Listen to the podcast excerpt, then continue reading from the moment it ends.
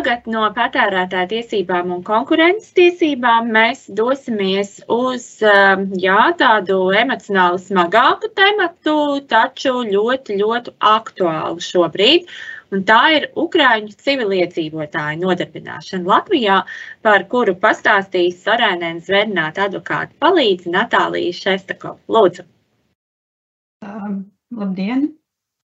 Visi mēs zinām, kāda pašlaik ir situācija mūsu kaimiņu valstī, proti, tās ir kara darbības Ukrajinā. Uh, līdz ar to daudziem ukrāņu iedzīvotājiem nācās pamest savas māju vietas un doties prom no savām mājām. Daudzi no viņiem izceļo uz citām valstīm, bet daļa no tiem nonāk arī Latvijā. Līdz ar to, lai, lai sniegtu atbalstu kara bēgļiem, Latvijas valdība pieņēma Ukraiņas civiliedzīvotāju atbalsta likumu, kas nosaka galvenos noteikumus Ukraiņu iedzīvotāju atbalsta sniegšanai, kā arī paredz atvieglotu procedūru Ukraiņu civiliedzīvotāju nodarbināšanai Latvijā. Tad vispirms par subjektiem, kas ir nākamajā slaidā. Kas tad ir um, likumā paredzētie subjekti un kāds ir vispārējais atbalsta laiks? Likums ir attiecināms uz tiem Ukraiņas civiliedzīvotājiem, kuri izceļo no Ukraiņas vai kuri nevar atgriezties Ukraiņā kara kara dēļ un kara laikā. Tie ir Ukraiņas pilsoņi, to ģimenes locekļi, kā arī tās personas, kurām Ukrainā ir saņemta pastāvīgās uzturēšanās atļauja, bezvalstnieka status vai ir starptautiskās aizsardzības status, kā arī to ģimenes locekļi. Ko tas nozīmē? Ka ir arī tādi Ukraiņas iedzīvotāji, uz kuriem neatiecās šīs likuma normas.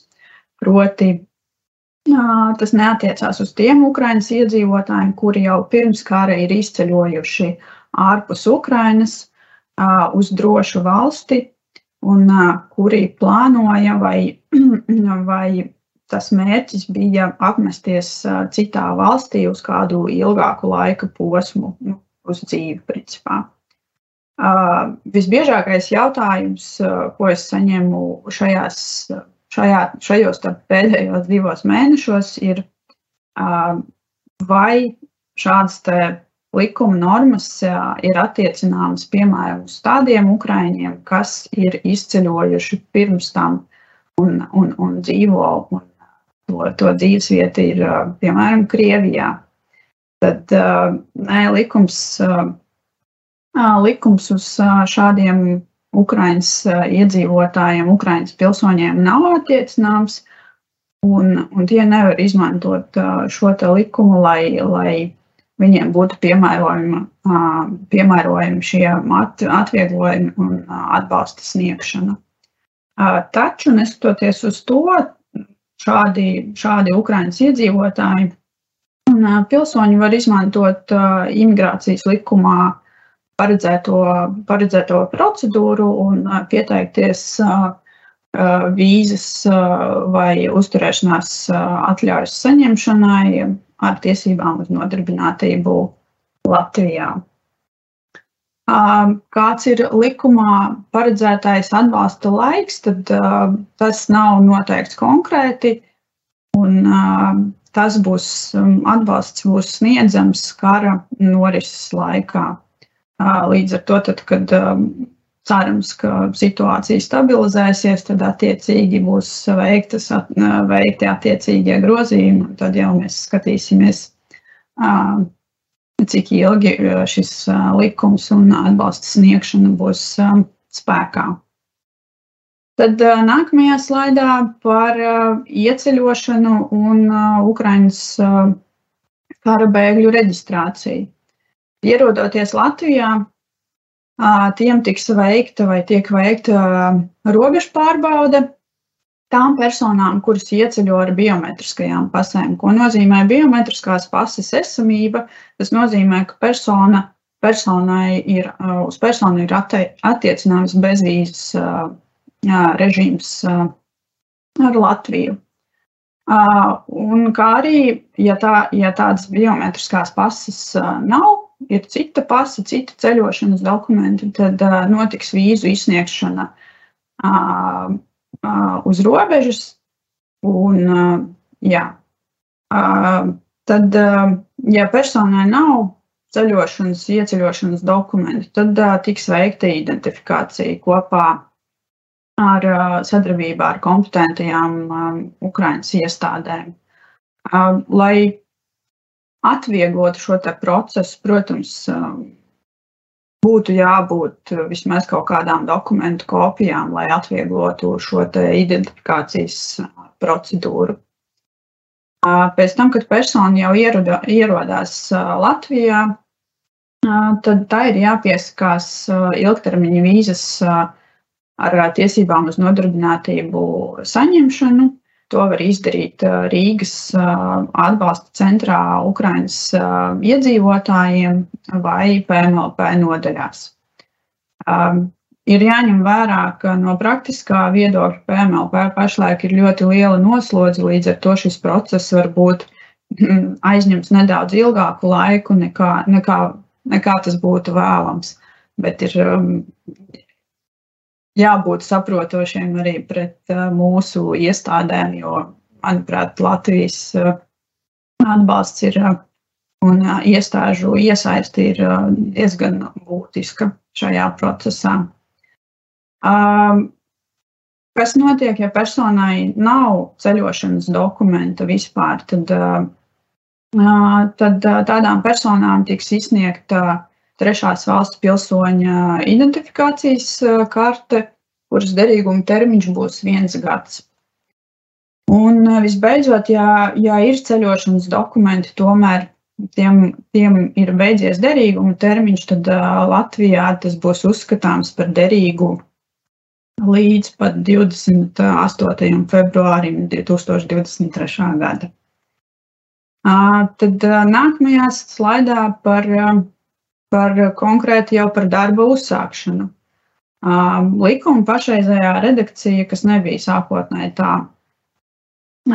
tā, kas nebija sākotnēji tā atrunāts, pašlaik paredz, ka Ukraiņas civiliedzīvotāji, kara bēgļi, proti, var uzsākt darbu praktiski nekavējoties pat pirms vīzas ar tiesībām uz nodarbinātību noformēšanu.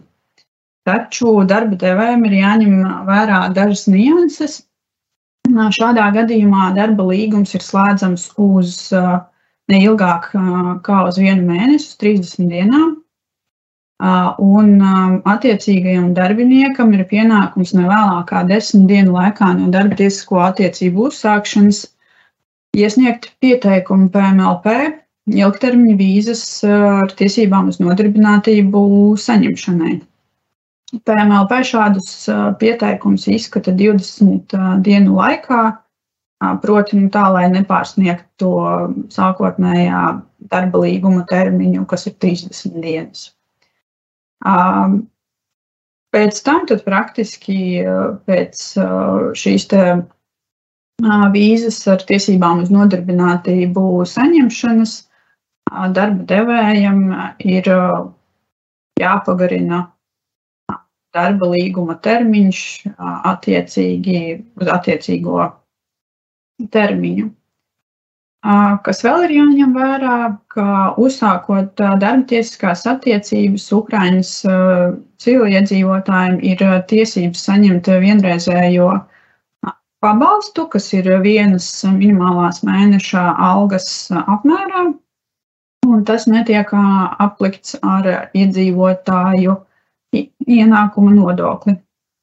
Minētais pabalsts ir jāpiesaka nodarbinātības valsts aģentūrā viena mēneša laikā no, no darba līguma noslēgšanas un darba tiesisko attiecību uzsākšanas. Tad, ko nākamajā slaidā par to, ko tad var darīt šie Ukraiņas civiliedzīvotāji un kara bēgļi?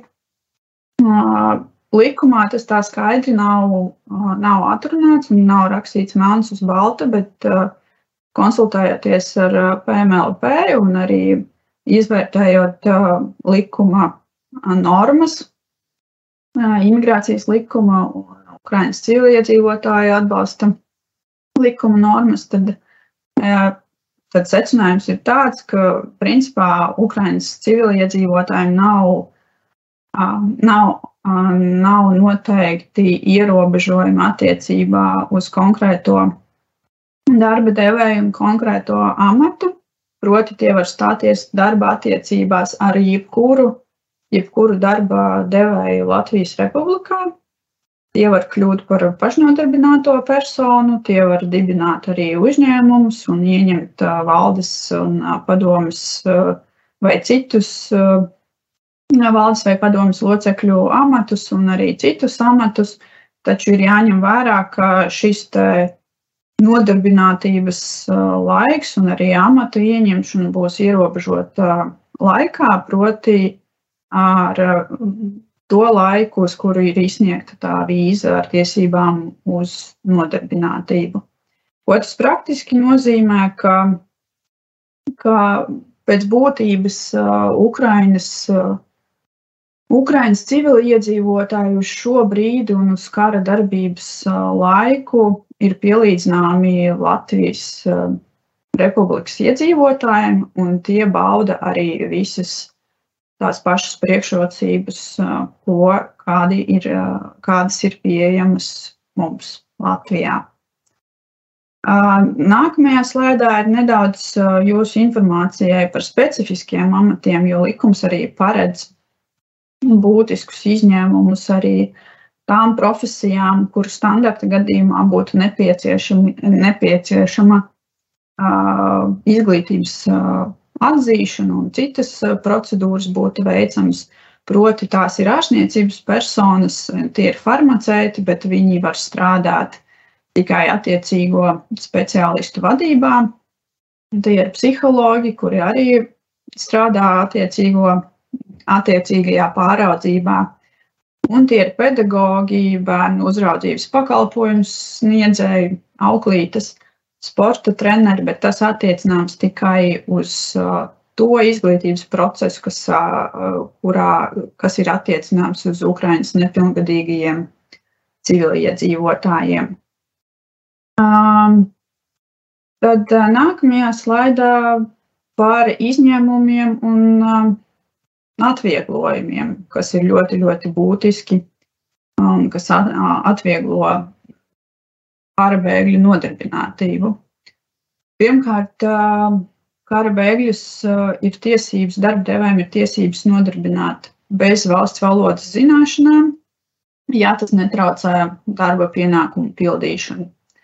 Praksē ir dzirdēti vairāki stāsti no uzņēmējiem, kas uzdrošinās kas uzdrošinās nodarbināt Ukraiņas civiliedzīvotājus arī sabiedriskajā sektorā. Ir dzirdēti, ka šādi, šādi, šādi cilvēki, šādas personas strādā kafejnīcās, visādos tirdziņos un tā tālāk. Un, un ir jāsaka, ka viņi arī cenšas pēc iespējas apgūt kaut kādas pamat, pamatvalodas zināšanas, lai pēc iespējas kvalitatīvāk sniegtu šos pakalpojumus vai pildītu savus darba pienākumus.